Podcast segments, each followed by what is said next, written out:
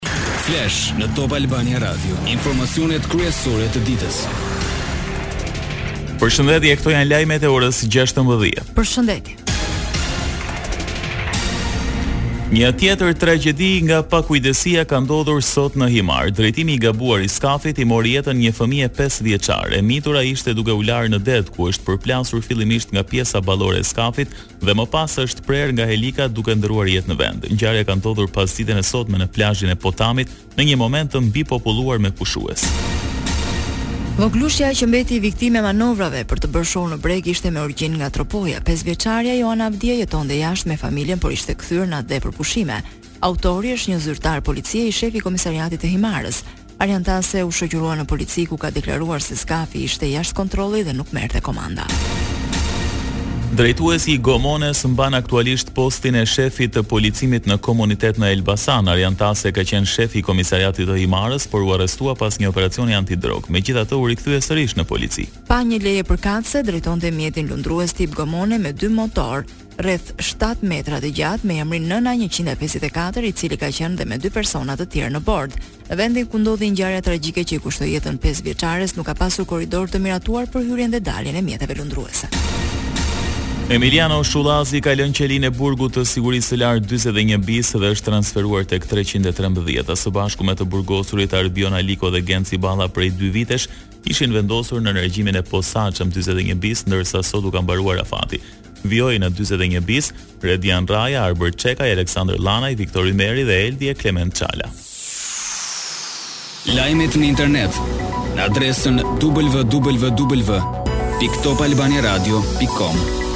Hapet gara për ndërtimin e aksit Milot Fier pjesë e korridorit blu. Ky aks do jetë autostrada e parë në Shqipëri që do ketë shpejtësi maksimale që arrin deri në 130 km në orë.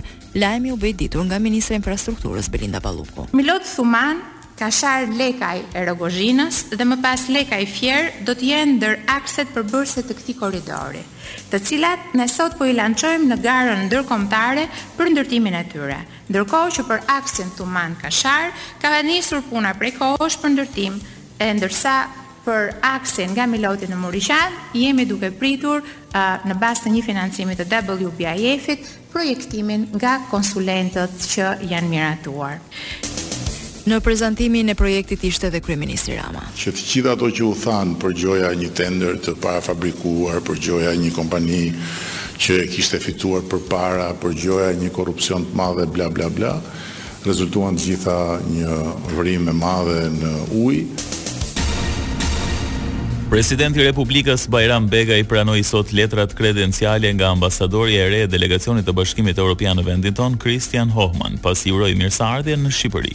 Kreu i shtetit ka shprehur mirënjohjen për mbështetjen politike dhe asistencën financiare që BE i ka dhënë Shqipërisë në tre dekadat e fundit, në mënyrë të veçantë për asistencën financiare nga tërmeti i dy mijë e nëntëmbëdhjetës, si dhe për përballimin e pandemisë. Kompanitë e përpunimit të qumështit përgjatë gjithë këtij viti po rrisin në mënyrë të pandërprerë çmimet e produkteve të bulmetit. Duke nisur nga kjo javë, çmimi i qumështit arrin në një pikë katër litra dhe shitet në njëqind e nëntëdhjetë lekë nga njëqind e gjashtëdhjetë që është shitur deri më tani. Ndërkaq, tregtarët e pakicës alarmojnë se nuk ka djathë në treg. Ndërkohë që çmimet në këtë lajme nga rajoni. Ambasadori amerikan në Prishtinë konfirmon se vendimet e qeverisë së Kosovës për reciprocitet me Serbinë për çështjen e targave dhe dokumentet e hyrje-daljeve ishin plotësisht të koordinuara me komunitetin ndërkombëtar. Jeffrey Hovenier shkroi në Twitter se SHBA-ja gjithashtu mirëpriti vendimin e liderëve të Kosovës për pezullimin e përkohshëm të këtyre masave të reciprocitetit pas tensioneve nga strukturat serbe. Sekretari i Përgjithshëm i NATO-s, Jens Stoltenberg, njofton se ka biseduar së fundmi me kryeministrin e Kosovës, Albin Kurti. Stoltenberg deklaron se kanë folur për situatën e tensionuar në veri të Kosovës. Shefi i NATO-s ka theksuar rëndësinë e KFOR-it për të vazhduar misionin, ndërsa ai ka shtuar se palët duhet të ruajnë qetësinë dhe të shmangin veprimet e njëanshme. Lajme nga bota. Presidenti amerikan Joe Biden konfirmoi se lideri i Al-Kaidës, Ayman al-Zawahiri, një nga terroristët më të kërkuar në Evropë, u vra gjatë fundjavës në Kabul në një sulm me dron të SHBA-së. Tani drejtësia është vendosur dhe ky lider terrorist nuk është më, tha Biden në një fjalim televiziv. Al-Zawahiri është ngjitur në krye të Al-Kaidës pas vrasjes së Osama bin Ladenit nga forcat amerikane në maj të vitit dy mijë e njëmbëdhjetë. Biden tha se zyrtarët e inteligjencës amerikane gjurmuan dhe e gjetën Al-Zawahirin në një shtëpi në qendër të Kabulit, ku ai ishte fshehur me familjen e tij.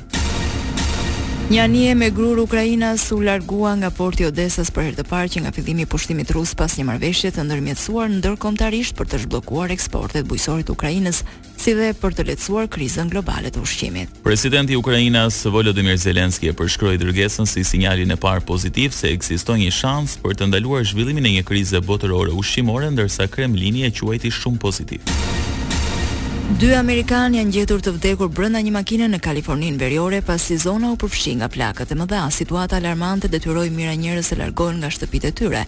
ndër ta edhe viktimat. Sipas BBC, personat që humbën jetën bashkë me dhjetëra të lënduar po përpiqeshin të largoheshin nga zjarret. Flakët në zonën McKinney kanë djegur më shumë se pesëdhjetë e pesë mijë hektarë, duke e bërë atë më të madhin në Kaliforni për këtë vit.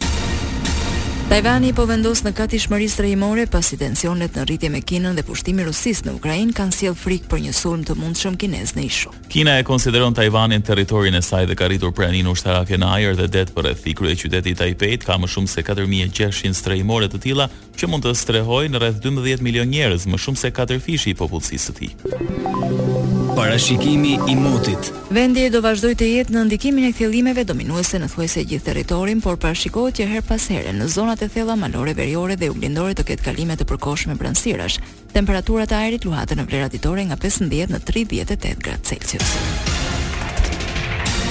Ndoqet një përmbledhje kryesore të lajmeve të ditës. Edicioni i radhës është në orën 17. Unë jam Edi Hallaçi. Unë jam Anibame. Kjo është Top Albania Radio.